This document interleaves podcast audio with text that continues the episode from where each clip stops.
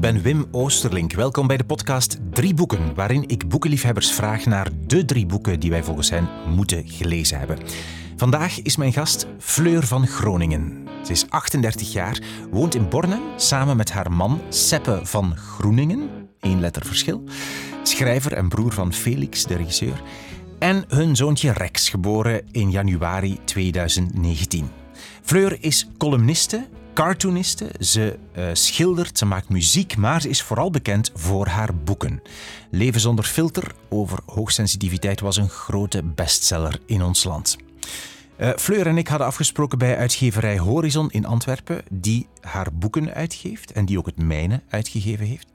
We zaten daar in een zaaltje omringd door kunstwerken van de uitgeverij en we hebben gepraat over werken aan jezelf, over psychologie, over hoe ze opgroeide in een secte, hoe je met twee schrijvers samenleeft, eh, hoe, ga, hoe gaat dat, hoe, hoe doe je dat, en over seksmoppen.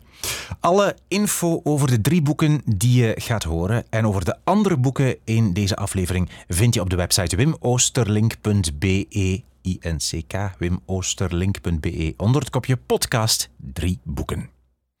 Veel luisterplezier met de drie boeken die je moet gelezen hebben volgens Fleur van Groningen. Um, ik lees veel non-fictie. Allee, ik las veel non-fictie, want nu heb ik een kind. um, en vooral zo, zo uh, ja, dingen die met psychologie te maken hebben, zelfs wel met spiritualiteit. Dus alles wat mij helpt om, om ik weet niet, aan mezelf te werken en van mezelf een betere mens te maken. Um, en nu begin ik zowel terug, want vroeger heb ik ook wel veel fictie gelezen toen ik veel jonger was. Nu begin ik dat ook terug wel wat te doen als ik niet te moe ben. Want ik heb een peutertje en ik moet zeggen, ik heb eigenlijk vaak als ik die in bed lig, zin om zelf ook al te gaan slapen. En uh, boeken lezen wordt soms, ja, ja, of je zit op de zetel en je kind wilt, uh, zegt pakken, pakken, pakken. En dan moet ik achter hem rond de tafel gaan rennen. Dus, ja. Dat gaat niet, hè? Nee, dus boeken, boeken, lezen en kinderen, dat is een, dat is een eh, dingetje. Ja. Zoals in Holland zeggen. En uh, je zegt om echt aan jezelf te werken, dat is echt zo heel bewust dat je dan boeken ja. uitkiest daarvoor. Amai. Ja, ja, dat is wel iets uh, dat mij typeert. Ik werk aan mezelf. Ja, alleen innerlijk dan, uiterlijk. ik zou misschien wel vaker moeten sporten. Um, maar uh, nee, innerlijk, ja, dat, is altijd, dat zit er bij mij van kinds af aan in eigenlijk. Dat ik altijd op zoek ben gegaan naar, naar ook wel een beetje noodgedwongen. Uh, ik ben in moeilijke omstandigheden opgegroeid.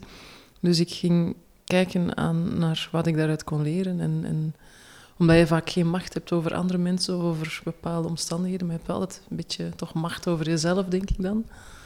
Uh, dus ik ging kijken, wat ligt er binnen mijn verantwoordelijkheid? Wat kan ik hiervan leren? Hoe kan ik sterker worden? Ervoor zorgen dat bepaalde zaken minder impact op mij hebben. Dus al die dingen uh, hebben van mij een zoekende mens gemaakt. Ja. Hmm. En als je leest, lees je dan zo in de zetel, eh, tot, tot de kleine zegt uh, pakken, pakken? Is dat in de zetel? Is dat in bed? Is dat, uh, um, waar, waar, lees je zo? Tegenwoordig is dat vaak s'avonds in bed, omdat ik probeer minder tv te kijken. Uh, of in de zetel overdag gestolen momentjes, ja. Uh, in de weekends dan, hè, want in de week, tijdens de werkuren, werk ik. Want ik heb zoiets van, als mijn kind op de crash zit, dan moet ik ook wel presteren. dus, uh, ja. ja. Geen tijd om te lezen overdag, nee. misschien dat ik mezelf dat heel af en toe eens permitteer als ik een drukke tijd achter de rug heb, maar... En het ding is natuurlijk ook, ik schrijf zelf. En op het moment dat ik echt vol een bak aan het schrijven ben, een nieuw roman, ik heb nu net een roman ge geschreven, of uh, een nieuw non-fictieboek, dan, dan, lees ik heel weinig of niet. Want ik word niet graag beïnvloed door de schrijfstijl van iemand anders. Waarom niet? Omdat ik dan schrik heb dat ik ten eerste niet helemaal authentiek ben, dat ik iets kopieer misschien van iemand anders. En ten tweede, als ik dan verschillende schrijfstijlen afwissel tijdens, uh, met het lezen, tijdens het schrijven van één boek, dan kan daar ook een stijlbreuk in, in sluipen. Dus op die manier. Um, en ik ben ook wel zo dat ik, dat ik mij naar binnen moet kunnen richten of, of naar buiten. Lezen is naar buiten richten en het dan wel innerlijk aftoetsen. Maar schrijven komt echt keihard van binnen. Dus ik moet mij dan een beetje afsluiten voor andere mensen, andere ideeën, andere... En daarna kom ik weer naar buiten. Maar zo goed bedacht. nee, nee, dat is gewoon zelfkennis. Dat is niet bedacht. dat is de ervaring. heeft mij dat geleerd dat ik zo in elkaar zit. Geweldig, ja, oké. Okay. Uh, we gaan, gaan meteen naar jouw boeken gaan. Is het goed? Gaan we meteen? Je een beetje griezelig, iemand die zo... Ik vind jou helemaal niet griezelig. Oké. okay. uh, drie boeken waarvan je vindt ja. dat iedereen ze moet gelezen hebben. Wat is het eerste boek? Ehm, goh, ik, dat maakt, ja, ik vind ze alle drie heel waardevol in, in wat betreft ehm, de zelfontwikkeling om, om ze te lezen. Maar ze hebben alle drie een andere manier om... Uh, een andere invalshoek, zeg maar. Maar het is wel drie keer zelfontwikkeling voor jou, deze ja, boeken. Ja, omdat ik dacht, zij van boeken die iedereen gelezen moet hebben. Ik dacht, ik kan dan wel een bepaalde roman fantastisch vinden, maar daar heeft iemand anders misschien niks aan. Dit zijn natuurlijk ook niet boeken waar iedereen iets aan heeft, maar ik denk dat dat voor veel mensen zit daar toch iets waardevols in. Dus, uh... Zeg maar wat de eerste wordt. Ik zal misschien beginnen met, met uh, Rilke, het boek uh, heel bekend, hè? Brieven aan een jonge dichter van Rainer Maria Rilke. Eigenlijk een reeks, reeks brieven die hij heeft geschreven aan een, ja, een, een, jonge man destijds die in een, een militaire academie zat en die graag dichter wilde worden en die dus naar hem schreef voor advies. En daar zit ontzettend veel wijsheid in. En heel veel nederigheid ook. Het is een ongelooflijk ontroerende man, die Rilke. En wat ook heel bijzonder is, is dat hij zelf... Heeft zelf een moeilijke kindertijd gehad. Hij had een, uh, een moeder die een, een, een, dochtertje had verloren, dus zijn zus. En heeft hem tot zijn zes jaar, of tot zijn acht jaar, dat weet ik niet precies, in meisjeskleren met lang haar laten opgroeien. Als een soort van vervangdochter. En daarna is hij van zijn vader, die militair was, uh, een militaire opleiding moeten gaan volgen. Een hele gevoelige, uh, artistieke jongen die dan in uh, militaire omstandigheden terechtkwam. Dus dat moet een enorme botsing zijn geweest. En hij heeft nooit echt plaats gekregen om zichzelf te mogen zijn als, als opgroeiend mens.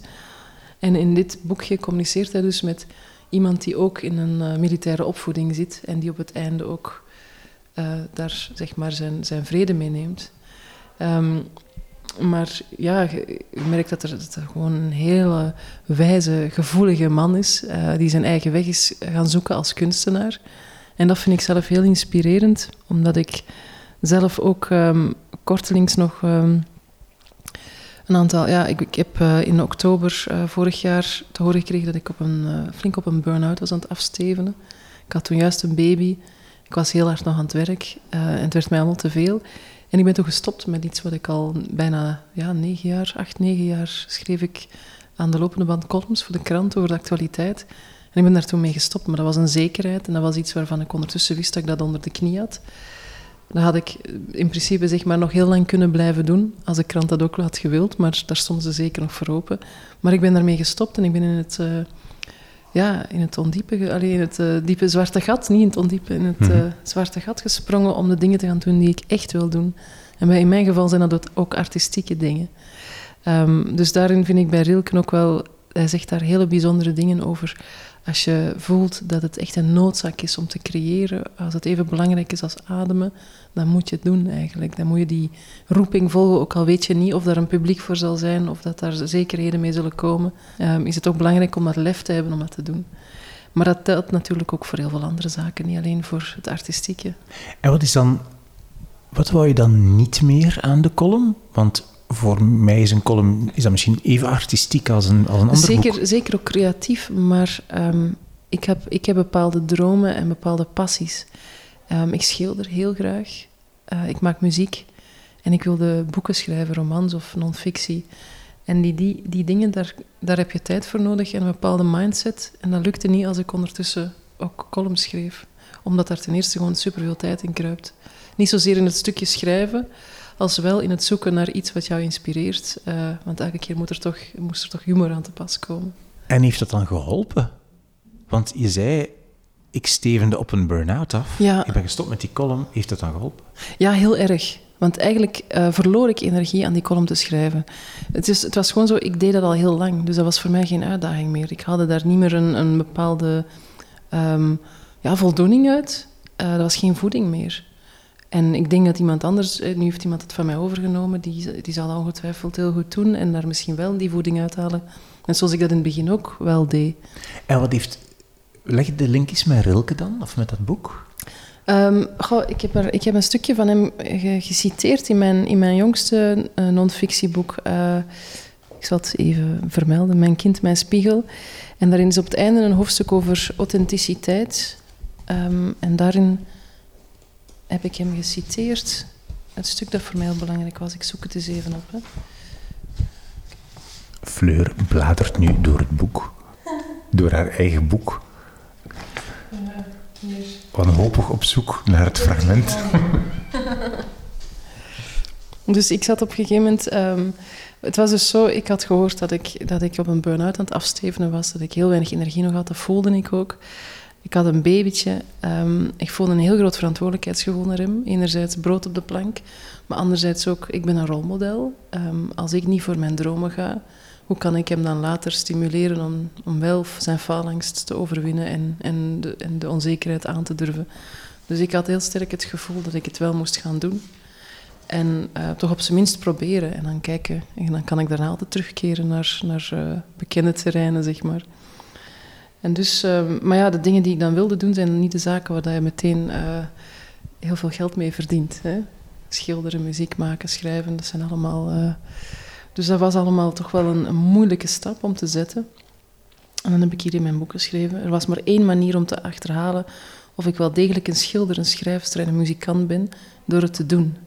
En toegegeven kon ik wel anders. Had ik niet al van kind af aan geschilderd, getekend, geschreven en muziek gemaakt. In brieven aan een jonge dichter zegt Rainer Maria Rilke over het wel of niet kiezen voor het schrijverschap. Voel uzelf aan de tand. Onderzoek de reden die u dwingt te schrijven. Ga na of die reden tot in het diepst van uw hart zijn wortels uitstrekt. Beken uzelf of het uw dood zou zijn als u niet meer zou mogen schrijven. En vooral dit, vraag uzelf in het stilste uur van uw nacht af: moet ik schrijven? Vroet in uzelf naar een ernstig antwoord. En zo dit bevestigend luidt, zo u die serieuze vraag kunt beantwoorden met een krachtig en eenvoudig ik moet, stem dan uw leven af op die noodzaak. Uw leven, zelfs het onbeduidendste en geringste ogenblik ervan, moet in het teken staan van deze aandrift en ervan getuigen. Dan komt u nader tot de natuur. Dan probeert u, alsof u de eerste mens was, te verwoorden wat u ziet, beleeft, liefhebt en verliest. Een kunstwerk is goed als het uit noodzaak geboren is. In deze wijze van ontstaan ligt zijn vonnis besloten, een andere is er niet. En daarom, zeer geachte Heer, wist ik u geen andere raad te geven dan deze. Voel uzelf aan de tand en onderzoek de diepten waaraan uw leven ontspringt.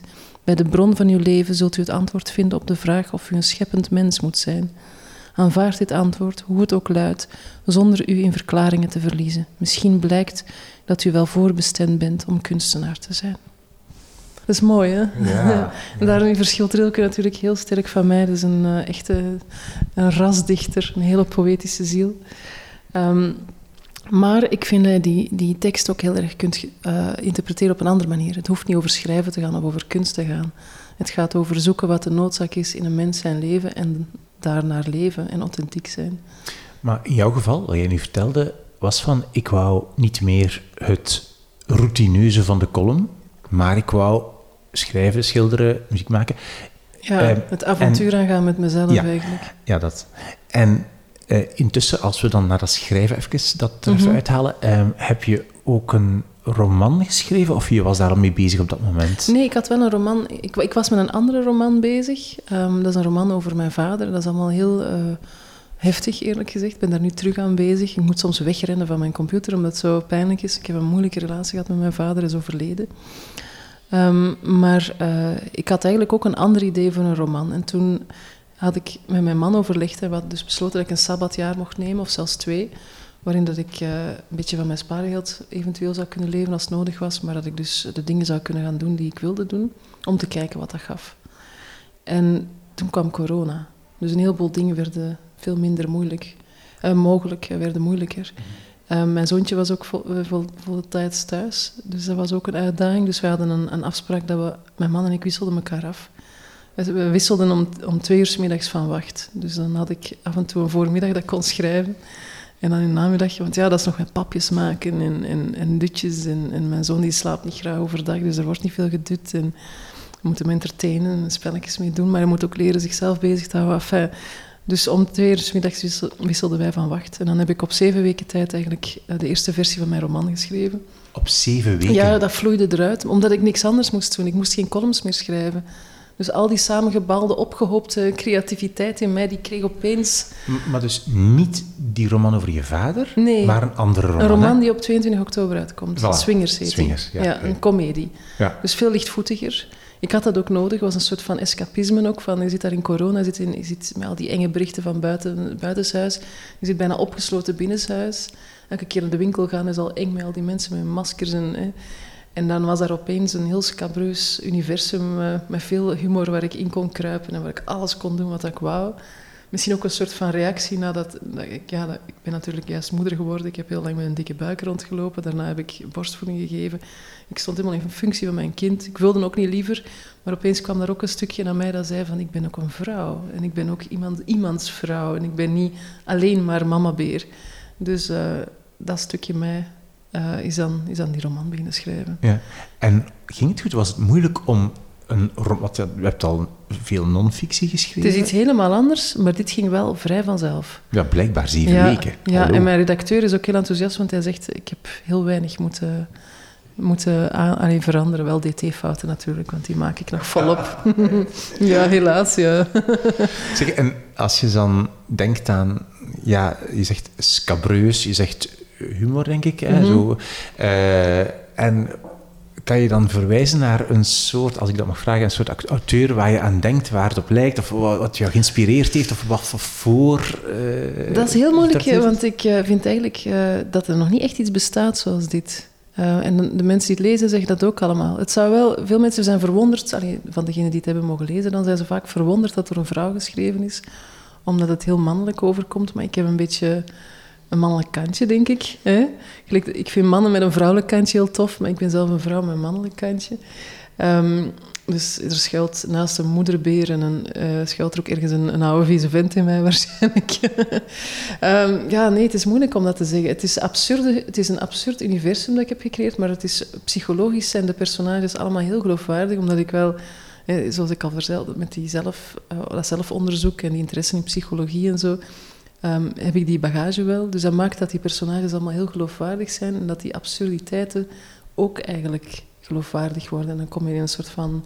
Het is een beetje een trip. Het is, uh, het is heel grappig en het is heel stout. En, maar ook een beetje lief ergens. Want ik ben nooit echt, echt grof of zo. Dat is een, het is een evenwichtsoefening. Maar, je, je noemde net al even jouw man, uh, Ja. Van Groeningen. Ja. Ook, hij is ook schrijver. ja. Wacht, ik moet iets van vragen. Heeft hij, wat vond hij van je boek? Van mijn boek, dat, het jongste. Ja. Heeft dat, elk, ja, dat tijdens corona. Dus elke avond, als dan de kleine in bed lag, dan las hij voor wat ik die dag geschreven had met stemmetjes. Oh my god. En dat was fantastisch. Ah, dat. Ja, dan lagen wij te gieren wat lachen in de tuin met z'n tweeën. Ja, terwijl andere mensen ook gaan opgesloten zaten in een appartement. En zaten wij daar heel erg te lachen. Ja, dat was mijn toetssteen. Dus die heeft dat van begin tot einde op de voet gevolgd. Ik gaf ook af en toe eens een keer een opmerking. eh, Dacht soms mee na. Dat was heel tof. Ik heb het boek ook aan hem opgedragen. Ja. En hoe is het zo, twee schrijvers in één huis? Dat is fantastisch. Ik kan, ik kan niet zeggen dat het altijd zo is, want ik weet niet hoe het met andere schrijvers is. Maar uh, Sepp en ik zijn, ja, in de eerste instantie zijn wij de aller, allerbeste vrienden. Dus we hebben heel veel lol samen. En uh, wij, ja, wij zijn mekaars klankbord. Wij begrijpen elkaar ook, want als je opeens bezocht wordt door de muze, als de inspiratie er is, dan moet je gaan schrijven. Hè? En dan mag je niet gestoord worden en niet aangesproken worden de ander. En wij snappen dat van elkaar. Dus uh, dat is een beetje gelijk naar het toilet gaan. Opeens is die muze daar en opeens moet je. Hè? En wij snappen dat. Het is alleen als er een kind is en je krijgt alle twee opeens, dat je, ja, dan moet er een van de twee zich... Uh, dus daarvoor hebben we die regeling van om twee uur de staf door te geven. Ja. Maar dat is echt super plezant. Ja. En qua boeken in huis, hebben jullie zo... Ja, ik vind dat een belangrijke vraag. Hebben jullie jullie boeken samengebracht? Ja. Ja. Want Ja. dus jullie hebben één boekenkast dan? Uh, we hebben door het huis verspreid boekenkasten. Want mijn man die leest ontzettend veel. Dat is echt een zeer belezen man. Ja, ik, veel meer dan ik. Ik heb ooit van mijn vader een heleboel waardevolle boeken geërfd. Want die had een, uh, die had een verzameling uh, en die heeft een heleboel aan mij ge- doorgegeven. Maar mijn man die heeft zelf... ja, die leest eigenlijk altijd als hij kan. Die kan ook lezen als hij doodmoe is. Ik weet niet hoe dat hij dat doet. En die onthoudt het dan ook allemaal. Vind ik heel straf. Uh, dus ja, we hebben een, een huisbom vol boeken. Ja. En dan, je zegt overal boekenkasten of op verschillende plekken? Ja, in de slaapkamer, ergens in een gang boven. Uh, in de living een hele muur vol. Uh, ik heb dan een schildersatelier die dan ligt vol met schilderen, boeken over kunst en zo. En, dus ja, overal wel. Ja. En geordend of zo Nee. complete... Nee. Nee, op formaat. Wat? Dat, ja, dat ze passen op de, op de, op de, de flanken waar ze op staan. Zo. ja, niet op, op de grootgeschapenheid van de auteur of zo. Voor alle duidelijkheid. Met die vieze vent die ik daar juist al benoemde. En geven jullie dan leestips aan elkaar? Ehm, Of hij aan jou, omdat, hij zegt, eh, omdat je zegt dat hij zoveel leest? Ja, hij leest ondertussen. Hij las nooit non-fictie. En door mij is al een beetje zo de... Sommige boeken over psychologie gaan lezen. Ah ja, dus Ehm, jullie hebben elkaar... eh, ai, Ja, ja. Jij op hem en hij op jou ook? Ja, ja, het begint. Omdat ik nu een beetje fictie begin te lezen. En, maar ik denk dat we iets anders zijn van smaak. Want soms zegt hij, ja, ik denk dat dat, dat dat niks voor u gaat zijn. En dan klopt dat. En soms is iets wat hij denkt dat ik niet goed ga vinden. Toch vind ik dat toch heel leuk. Of alleen omgekeerd. Dus we, we tasten elkaar Heb je daar een voorbeeld van? Ehm, mm, even aan het denken. Ehm, ik ben laatst begonnen in de correcties. En dan zei hij tegen mij van... eh, ja, dat is wel, dat is wel een, een boek dat veel, veel eisend is om door te geraken. En, eh, en dan moest ik hem inderdaad... Ik was daarin begonnen en ik, ik merkte dat ik eigenlijk te moe was om mijn hoofd erbij te houden en, enzovoort. Dus hij, zei dan dat ik misschien in een later stadium, als ik iets uitgeslapener terug ben, dat ik het terug moet oppikken. Eh, dus ja, op die manier. Maar ja, ik zeg het, hij is de, hij is de meest belezen van ons twee. Oké. Ja. Oké. ik lees Eh, wel zijn boeken natuurlijk. Hè. Ja, uiteraard. Ik heb dat, wel veel, veel, veel moeten lezen. dat, dat is goed. ja. Logisch. Ja. Oké, dat was jouw eerste boek, Rainer Maria Rilke, Brieven aan een jonge dichter. Ja. Wat is jouw tweede boek? Het tweede boek is ehm, eh, het boek van... ehm, wacht, dat ik hier op mijn iPad heb staan. Wacht. Op de iPad. Ja, Alice Miller, Het drama van het begaafde kind. Dat is ook een boek dat, ik, eh, dat mijn man op mijn eh, aandringen heeft gelezen. Ehm, dat is een psychologe. Dat is ook al ondertussen, net als eh, Rilke, ook al lang gestorven. Heeft gestudeerd ten tijde van de oorlog. Ehm, dat is een boek van een, een psychologe over kinderen die tijdens hun, hun... Hoe je eigenlijk als mens leert om tijdens je kindertijd jezelf op te geven. En ehm, iemand te worden die je niet echt bent. Dus waar dat bijvoorbeeld Freud eh, beweerde dat trauma eh, bij kinderen vaak voorkomt uit hun fantasie of hun interpretatie, ging zij daar heel erg tegen in en beweerde zij dat vaak te maken heeft met de fouten die de, die de volwassene in de relatie heeft gemaakt. Om, om het iets concreter te zeggen, ehm, het drama van het begaafde kind gaat over kinderen die heel gevoelig zijn en heel intelligent zijn en daardoor heel goed kunnen aanvoelen wat de behoeftes zijn van de volwassen persoon, de ouderfiguur. En zich dus gaan aanpassen aan die ouderfiguur en daardoor een stuk van zichzelf niet ontwikkelen. En ehm, die ouderfiguur kan hem bijvoorbeeld ook niet de ruimte geven om hun eigen emotionaliteit te beleven, waardoor ze later als volwassen mens nog altijd de neiging zullen hebben om zichzelf eh, weg te cijferen, de ander voor te laten gaan, maar ook een bepaald stuk van zichzelf niet kennen. En meer nog ehm, op zoek gaan naar een soort van toelating van andere mensen om bepaalde emoties te mogen voelen. Een toelating die ze van hun eigen ouders als kind niet hebben gekregen. Kan je nog volgen? Ja, absoluut. Ja. Ja, ik vind... eh, ja, Ik vind het zelf ja. heel interessant. Het is ook heel erg van toepassing op, op eh, hoogsensitieve mensen die aan parentificatie eh, doen.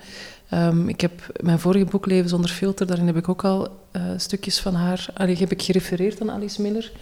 Parentificatie is wanneer ouders eh, hun kind voor zich laten zorgen in plaats van dat zij voor hun kind zorgen. En dus die en hoogsensitieve kinderen die zullen dan heel makkelijk zich verantwoordelijk voelen, omdat ze heel duidelijk kunnen aanvoelen wat er in een ander mens omgaat en heel sterk de neiging hebben om voor die persoon te zorgen. Maar daardoor gaan ze ook zichzelf een beetje verloochenen. Ehm, even heel kort uitleggen. Dus jouw, jouw, je hebt een boek over je kind geschreven. Hè? Ja, dat is dit- jaar uitgekomen. Daarvoor is Ja, ehm, Leven zonder filter. Een Ja. enorme bestseller Ja, van jou steeds, eh, over, over jouw eigen hoogsensitiviteit. klopt, ja. Hoe je daar. Ehm, wat je nu vertelt allemaal over dat boek, waarom heb je dat boek gelezen?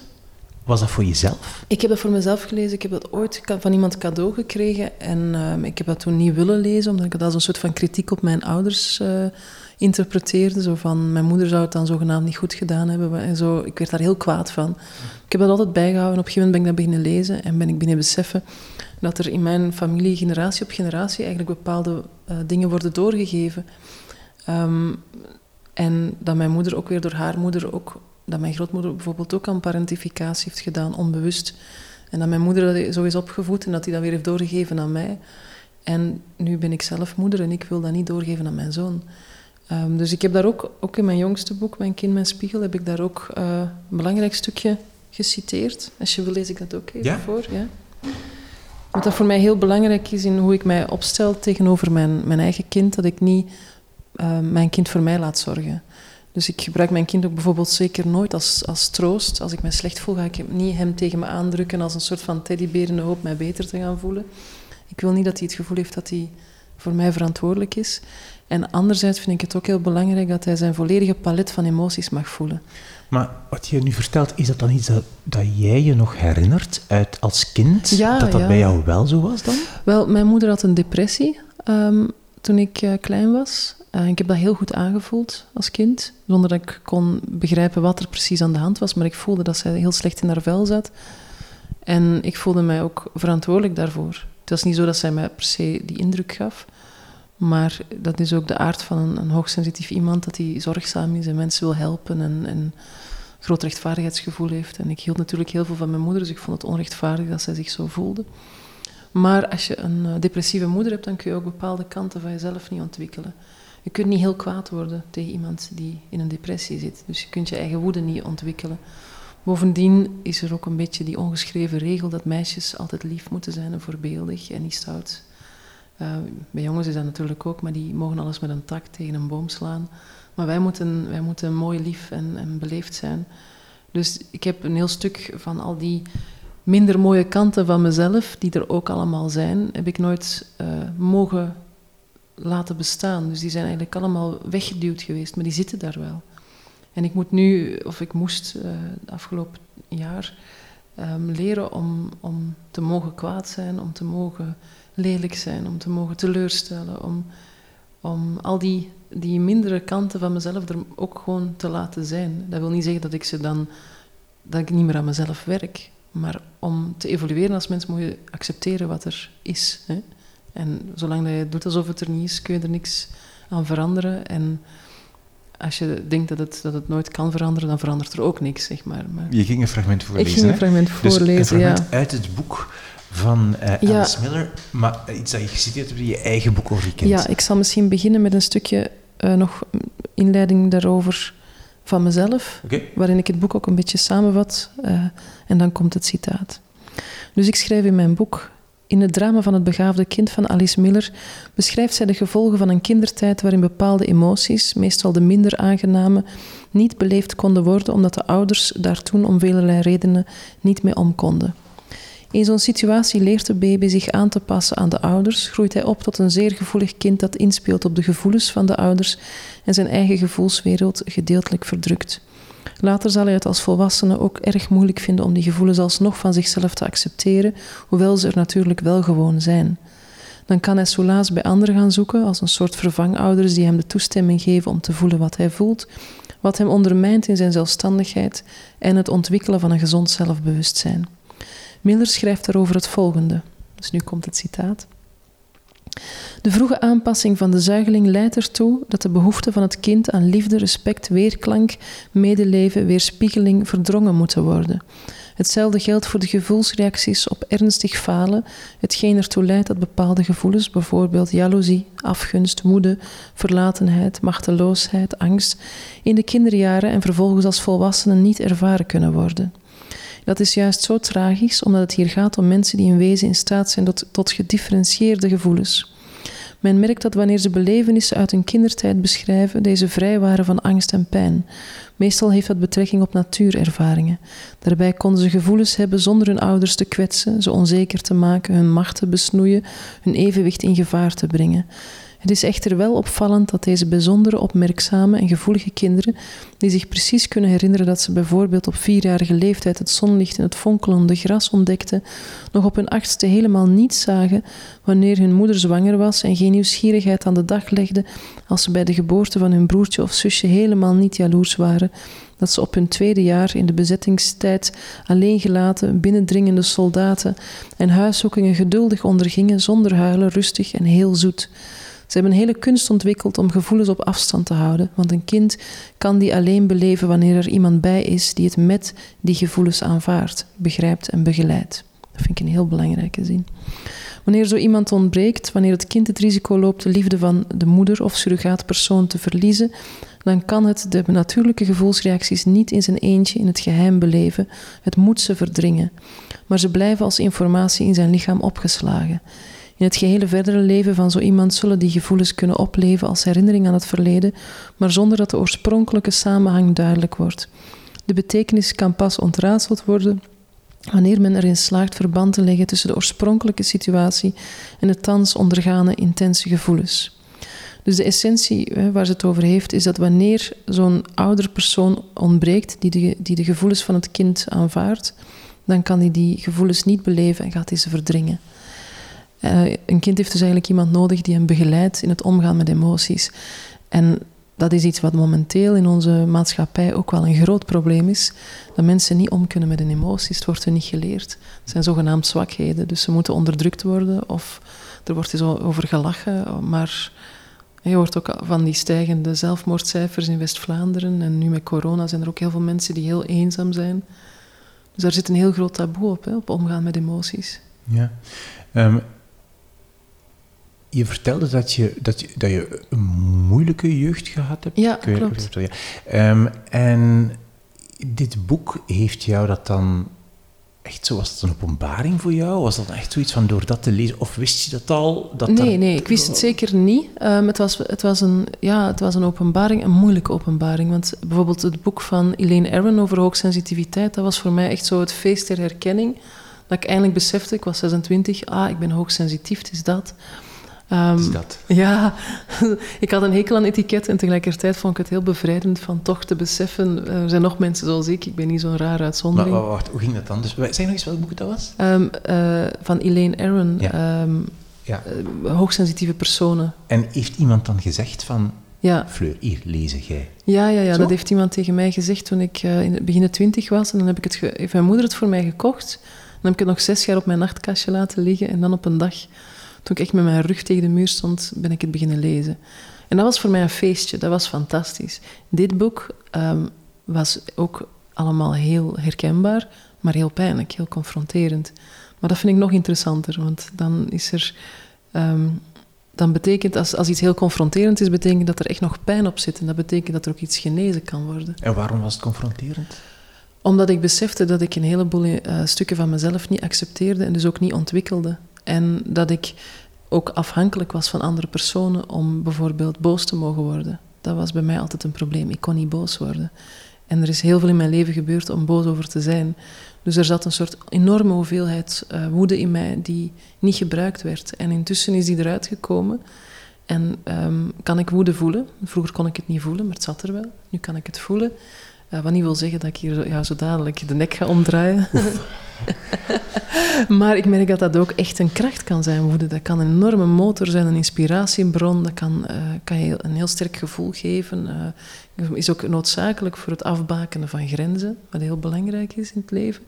Dus dat is bijvoorbeeld voor mij super confronterend geweest. Maar ook, um, ik ben heel perfectionistisch, ook typisch hoogsensitieve personen. Um, maar dat wordt ook daardoor, door die, door die parentificatie en wat zij daar beschrijft van het niet toestaan van bepaalde emoties, dat hangt ook heel erg samen. Want ik, wil, ik, wilde dan, ik eiste van mezelf dat ik een soort perfect mens werd. En een perfect mens doet geen lelijke dingen. Die, wordt, die roddelt nooit eens, die heeft nooit eens leedvermaak, die wordt nooit eens kwaad, die is nooit jaloers. Ik doe al die dingen wel. Ik heb soms leedvermaak, terwijl ik tegelijkertijd empathie heb. Ook gek. Ja, tuurlijk. Ja. ja, en ik ben wel eens een keer jaloers. Wat niet wil zeggen dat ik afgunstig ben, want ik gun mensen meestal wel echt alles. Maar ik kan wel eens jaloers zijn. Mhm. Ik weet ondertussen dat dat wil zeggen dat ik misschien ook iets wil wat die andere persoon heeft. En dan kunnen we het allebei hebben. Hè? Dus, maar, maar ja, ik heb, wel, ik heb wel veel lelijke kanten van mezelf moeten omarmen. Ja. En nu uh, pas ik dat ook toe als moeder. Dat mijn zoon die mag heel kwaad worden. Ik ga niet zeggen dat hij braaf moet zijn. Ik denk, nee, uit uw emotie, maar laat die er zijn. Leer ermee omgaan. Zodat je later al je emoties kunt, kunt leven en dat, die, dat, dat, niet, dat je daar vrij is eigenlijk. Want opgekropte emoties, dat is, een, dat is een onvrijheid. Want iemand die opeens zo'n emotie aanraakt, die heeft macht over u. Hm. Ehm, heb je als kind veel gelezen? Ja. En hoe ging dat dan? Um, ik had sowieso het geluk dat mijn moeder mij veel voorlas. Daar is het mee begonnen. We hadden, we hadden niet echt een televisie, of af en toe zo, ja, zo met heel veel sneeuw was er zoiets dat we dan uit de lucht konden opvangen. Maar Uh, dus er werd veel voorgelezen. Dat deed mijn moeder fantastisch. Die heeft echt mijn creativiteit uh, aangewakkerd. Um, en dan op een gegeven moment kon ik zelf lezen en dan, dan was ik vertrokken. Ik was een soort Mathilda. Ik las alles wat ik maar kon lezen, denk ik. En um, dan op een gegeven moment was ik een jaar of 16 en dan begon ik aan de, op, op aanraden van mijn vader, die een stuk ouder was dan mijn moeder, 17 jaar ouder, dus die ook echt van een andere generatie was. En um, die had een hele klassieke uh, uh, smaak en met heel veel eerbied voor de Russen, Tolstoy en, en Dostoevsky en zo. En, uh, dus die kwam daar allemaal mee aanzetten bij mij. En ik was 16 en ik begon het allemaal te lezen. En ik vond dat fantastisch. Nu heb ik daar allemaal geen zin meer in, om eerlijk te zijn. Misschien heb ik het al gehad, ja, in die dikke pillen en zo, ja, en heel... Ja, maar ik, ik apprecieer het nog heel hard hoor. En toen dat mijn Amsterdamse uitgever uh, voorstelde dat ik een roman zou schrijven, dacht ik, oh god, ik ben toch helemaal geen Tolstoy. dus, uh, dus ja, de, op mijn 16 heb ik dingen gelezen die ik misschien beter uh, nu pas zou lezen, want nu zou ik ze waarschijnlijk veel beter begrijpen. Zo Eline Veren en, en Lady, Lady Chatterley's Lover en al die dingen. Ja. Ja, ja. Oké, okay, goed. Jouw tweede boek was Alice Miller, het drama van het, het begaafde. kind. Ja. Oké, okay, wat is jouw derde boek? Mijn derde boek is eigenlijk uh, wat ze noemen een spirituele klassieker. Maar je hoeft helemaal niet zo spiritueel te zijn om, om het te appreciëren. Het is eigenlijk een fantastische metafoor voor het leven. Jonathan Livingston Zeemeeuw van Richard Bach. Uh, in de jaren zeventig geschreven door een, een, Ik geloof dat hij piloot was. Um, en het is, ja, dus zoals ik zei, een metafoor voor het leven. Het gaat over een, veel mensen kennen het al, het gaat over een zeemeeuw die niet gewoon elke dag wil vliegen achter de schepen om zijn visjes te vangen die van de schepen vallen, maar die zich gaat focussen op het vliegen. Dus die eigenlijk um, het vliegen tot een levenskunst wil verheffen en die daardoor in een soort van uh, ja, een, persoonlijke ontwikkeling terechtkomt. En hij wordt dan ook verstoten door de, de groep meeuwen uh, waar hij toe behoort. Want die vinden allemaal dat hij maar gewoon moet doen en gewoon moet blijven vliegen zoals de rest. En niet moet gaan proberen om uh, al die kunstjes uit te halen en steeds sneller en sneller te vliegen. Wat eigenlijk natuurlijk symboliek is voor menselijk bewustzijn. Hè? En dat vind ik daar heel inspirerend aan. Ik vind het een heel ontroerend boekje. Als ik het lees, moet ik ervan huilen. Het stimuleert u om, om zelfstandig te blijven denken. Om uh, het zijn het mens zijn uh, tot een, ja, misschien tot een kunst te verheffen. Misschien te blijven streven naar steeds bewuster te leven in plaats van elke dag maar in het, in het vaste patroon te blijven lopen met oogkleppen op zonder nadenken. Is het, is het een roman? Het is een verhaaltje. Het is echt fictie. Dus, het is fictie, ja. ja. ja. Het is een verhaaltje uit drie delen over een, uh, een meeuw die, die begint zijn vliegen uh, te verkennen van wat er allemaal mogelijk is, hoe dat hij heel snel kan vliegen en hoe dat hij... En dan uh, wordt, krijgt hij daar kritiek op van de groep meeuwen waar hij mee samenleeft en die verbannen hem. En dan komt hij uiteindelijk bij een andere kolonie meeuwen die, die denken zoals hij, gelijkgezinden. En dan op een gegeven moment keert hij weer terug naar die oorspronkelijke kolonie, die hem nu niet meer als een soort van duivel zien, maar als een soort van zoon van God. Want dat doen mensen vaak, hè. ofwel word je verguisd, ofwel word je verheerlijkt. Uh, hij wil geen van beide. En de rest... En waarom, waarom moest je daarvan wenen? Moet je daarvan wenen? Omdat ik daar iets van herken in die zin dat ik... Um, ik ben eigenlijk een meeuw. Nee. ik scheid ook graag van heel hoog op de mensen hun kop en ik pik graag frietjes. nee, nee, nee. Um, ik herken de metafoor. Ik, um, ik, uh, ik sta spiritueel in het leven met mijn, met mijn voeten op de grond en niet zo met, met ja, wat, zal, wat moet ik zeggen, met, met al die bachbloesems en, en dromenvangers en New Age toestanden of zo. Maar ik probeer wel, uh, zoals ik aan het begin al zei, heel sterk aan mezelf te werken als mens. Uh, ik mediteer en ik probeer te evolueren qua bewustzijn. En, um, dus ik sta op die manier in het leven. En, en dat, ik herken mijn manier van in het leven staan heel sterk in dat boekje. Dat, is, dat gaat daarover, maar het is symbolisch geschreven. Het is een symbolisch verhaal. Het is een parabel, zeg maar. Ja, ja oké. Okay. Uh, Moest maar je, je, moet het lezen om te snappen wat ik bedoel. Okay, het is maar heel dun, dus het is, het is haalbaar. Het is heel dun. ja, ja het is ook met veel plaatjes, foto's van zeemeeuwen. Ja, oh, zelfs nog wel, maar het is heel dun. Ja, ja. Jouw drie boeken samen zijn eigenlijk maar de helft van jouw eigen recensieboek. Ja, ja, ja, ja, inderdaad. Moest je wenen bij, bij het, het vorige boek, van het begaafde kind, moest je daar? Dat heb ik ook eens mooi moeten weten, ja. ja. Ja, vooral een soort van spijtgevoelens van ik heb zo lang bepaalde aspecten van mezelf niet kunnen ontwikkelen, omdat ik dingen onderdrukte of me ervoor schaamde of ja, ook woedegevoelens daarover. Van, uh, had ik als kind maar een andere jeugd gehad, dan was ik nu een ander mens. Zo. Uiteindelijk ja, zit je dan vast in zelfmedelijden, dat brengt je ook niet, veel verder. Maar ik denk dat mens af en toe wel even door zo'n rouwgevoel heen moet om een nieuwe werkelijkheid te omarmen of zo. Is het waar dat je in een secte gewoond hebt als kind? Gewoond niet. Um, mijn ouders zijn in een secte gekomen toen ik negen jaar was. En, uh, en wij gingen daar in de weekends naartoe, of, of één avond in de week. Um, en ik ben daar als eerste van mijn gezin uitgestapt. En daarna is iedereen de jaren die daarop volgden gevolgd. Ja. Was het dan een soort godsdienstige... Was dat ja, het was religieus. Het was een, een internationale Indiaanse uh, spirituele groepering. Uh, met ashrams in België en, en, en uh, ja, bijeenkomsten waarbij er werd gemediteerd en rituelen werden voltrokken.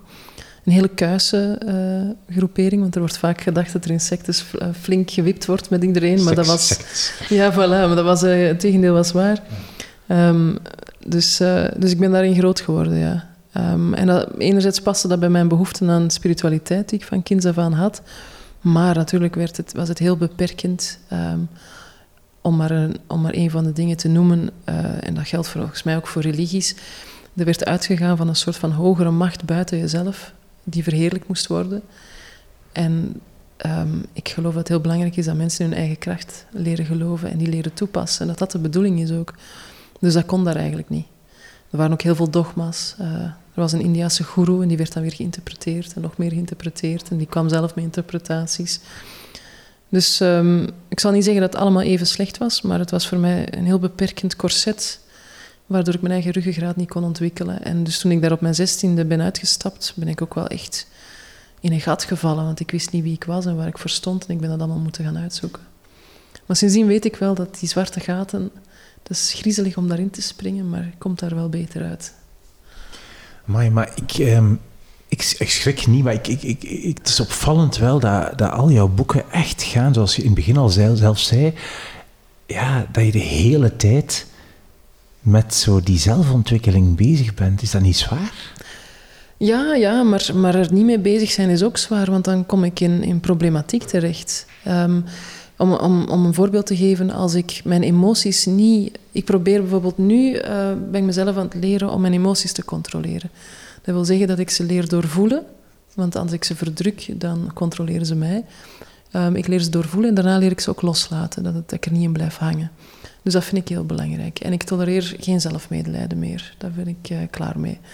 Dus, maar het steekt wel af en toe de kop op en dan moet ik daar op een bepaalde manier mee omgaan. Dus dat is de taak die ik mezelf opleg. Dan zou ik kunnen zeggen, ja, dat is wel best zwaar. Maar als ik dat niet doe, dan spelen mijn emoties vaak de baas over mij. En dan kom ik in een achtbaan van een rollercoaster van emoties terecht vaak. Ah, natuurlijk. Iedereen toch? Uh, emoties zijn toch beschaafde... Uh, ja, dat heeft daar niks mee te maken. Trouwens, zo vriendelijk ben ik niet. Soms ben ik ook wel eens een trut. Maar uh, nee, ik kan, ik kan heel verdrietig zijn. Ik ben ook nogal gepassioneerd van karakter. Ik kan heel uh, hoopvol zijn, heel teleurgesteld, heel gekwetst, heel dit, heel dat. En dan word je altijd heen en weer geslingerd en kruipt veel tijd en energie in. En dan ga je dat ook nog eens uitwerken op de mensen in je omgeving. En ik voel mij zeer verantwoordelijk naar mijn zoon toe, ook naar mijn partner, maar vooral naar mijn zoon, dat hij niet de dupe is van de emoties van zijn moeder. Dus ik heb daar een discipline in, ja. Maar dat maakt mij een betere mens, denk ik. Ik denk aangenamer ook voor anderen. Want als, als je echt zo de slaaf bent van je emoties, dan ga je anderen daar ook verantwoordelijk voor stellen. En als je die zelf onder controle hebt, dan laat je de ander vrij om gewoon zichzelf te zijn. Dat vind ik belangrijk. En, uh, en boeken, allee, boeken spelen daar ergens wel een rol in of zo, toch duidelijk. In, ja, in de bewustwording van die patronen of zo, toch? Ja, hè? ja, ik ben een eenzame mens. En ik zoek eigenlijk altijd naar gelijkgestemde zielen. Mensen die op dezelfde manier in het leven staan. En soms vind ik boeken die over... Als ik boeken vind die over de thema's gaan waar ik mee bezig ben, dan vind ik daar mijn contacten in. Oei, is dat geen verdrietige gedachte? Een beetje. maar ja, het is gewoon ook... Uh, ik ben ondertussen 38 en, en uh, ik weet niet hoeveel gelijkgestemde zielen ik nog ga ontmoeten, maar ik heb er tot nu toe nog niet zo heel veel ontmoet. Dus ik zoek ook gewoon een manier om het, uh, om het leefbaar te maken. Is dat zo? Dat je, dat je echt het gevoel hebt dat er niet veel gelijkgestemde zielen zijn? Goh, er zullen er misschien wel zijn, maar ik ontmoet er niet zo vaak, nee. Hmm. nee. Ten eerste, als je heel veel hebt afgezien, dan sta je ook al op een andere manier in het leven. En ja, bij mij is mijn, mijn, mijn kindertijd was al heel vroeg voorbij eigenlijk, naar mijn gevoel. Dus ik ben, ik ben als twintiger ging ik ook vaak liever met mensen om die wat ouder waren dan ik. Mijn man is ook tien jaar ouder, mijn beste vriendin is tien jaar ouder. Ehm, het is moeilijk soms om, om dan mensen te vinden die op dezelfde manier in het leven staan. Maar nog steeds vind ik dat soms moeilijk. Ja. Waarmee ik niet wil zeggen dat ik zo'n uh, ongelooflijke uitzondering ben, hè, maar ik merk gewoon dat er veel taboes bestaan, vooral om over bepaalde zaken te spreken. En voor mij is dat belangrijk om daarover te kunnen praten. Ik ben niet, ik ben niet geschikt voor uh, de koetjes en kalfjes. Ik zit daar niet aan de barbecue over pelletkachels te praten. Ik kan dat niet. Bij mij moet het ergens over gaan, of er moet heel hard gelachen worden. Of allebei. Ja. ik wil een zekere intensiteit in het leven. Okay. Het mogen ook seksmoppen zijn. Daar zat ik nog op te wachten. Een seksmop. Wil jij je drie boeken nog eens herhalen in Ja. Dus het eerste boek waar we het over hebben gehad was Rainer Maria Rilke, Brieven aan een jonge dichter. Het tweede boek was um, het drama van het begaafde kind van uh, Alice Miller, Op zoek naar het ware zelf. Uh, dat is een, een, een, opdracht die ik de rest van mijn leven blijf uh, voor me houden. En dan het laatste boek was Jonathan Livingston, Zeemeeuw van Richard Bach. Wat ben je nu aan het lezen? Um, ik ben nu een boek van Kluun aan het lezen.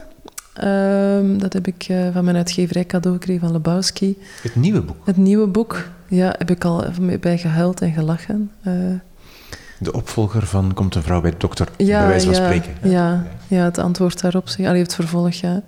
Ja, ik, ik, eh, ik vind het een heel fijn boek. Dat is misschien niet zo de... de dat is misschien geen Tolstoy weer al niet, maar, maar uh, het, is, het is ontroerend en het is hilarisch en het is heel diep menselijk. En uh, het speelt zich ook af aan de, aan de Nederlandse grens, dus ik ben ook... Ik ben aan de Belgische kant van de Nederlandse grens opgegroeid, dus dat taalgebruik, dat Tilburgs, dat, ligt dicht bij, bij het Kempische zo, hè. Nee, het is, het is een heel, heel fijn boek. Um, maar ik ben veel verschillende boeken door elkaar aan het lezen. Ik ben ook een thriller aan het lezen van Frank van Laken. Moet nog uitkomen. Um, dat is een vriend van mij, dus ik ben hem nu al aan het lezen. Uh, de Echo van de Schreeuw heet het. En dat is ook uh, eh, 19 oktober komt dat uit. Frank van Laken, de regisseur van, van Daans en zo. Een hele fijne, lieve mens. Um, ja, en dan ligt daar, nog, ligt daar nog een stapeltje naast het bed waar ik nog doorheen moet gaan. En, enfin, ondertussen slaap ik vooral en kijk ik naar Bomba. en verzin ik seksmoppen. Dankjewel voor je drie boeken. Hè. Ja, jij bedankt. Dit was mijn gesprek met Fleur van Groningen. Alle info over de boeken die je gehoord hebt, alle info over de auteurs en alle andere afleveringen van deze podcast vind je op de website wimoosterlink.be onder het kopje podcast drie boeken. Je kan je ook gratis abonneren. Normaal kan dat op de plek waar je nu aan het luisteren bent. Dan krijg je automatisch elke week uh, de nieuwe aflevering van deze podcast binnen. Als je mij een plezier wil doen en je bent nieuw als luisteraar, dan wil ik je vragen om aan twee vriendinnen of vrienden vandaag of morgen te laten weten dat ze ook eens naar deze podcast moeten luisteren. En misschien zelfs te tonen hoe je dat doet. Drie boeken in letters geschreven. Dankjewel voor het luisteren en tot de volgende keer.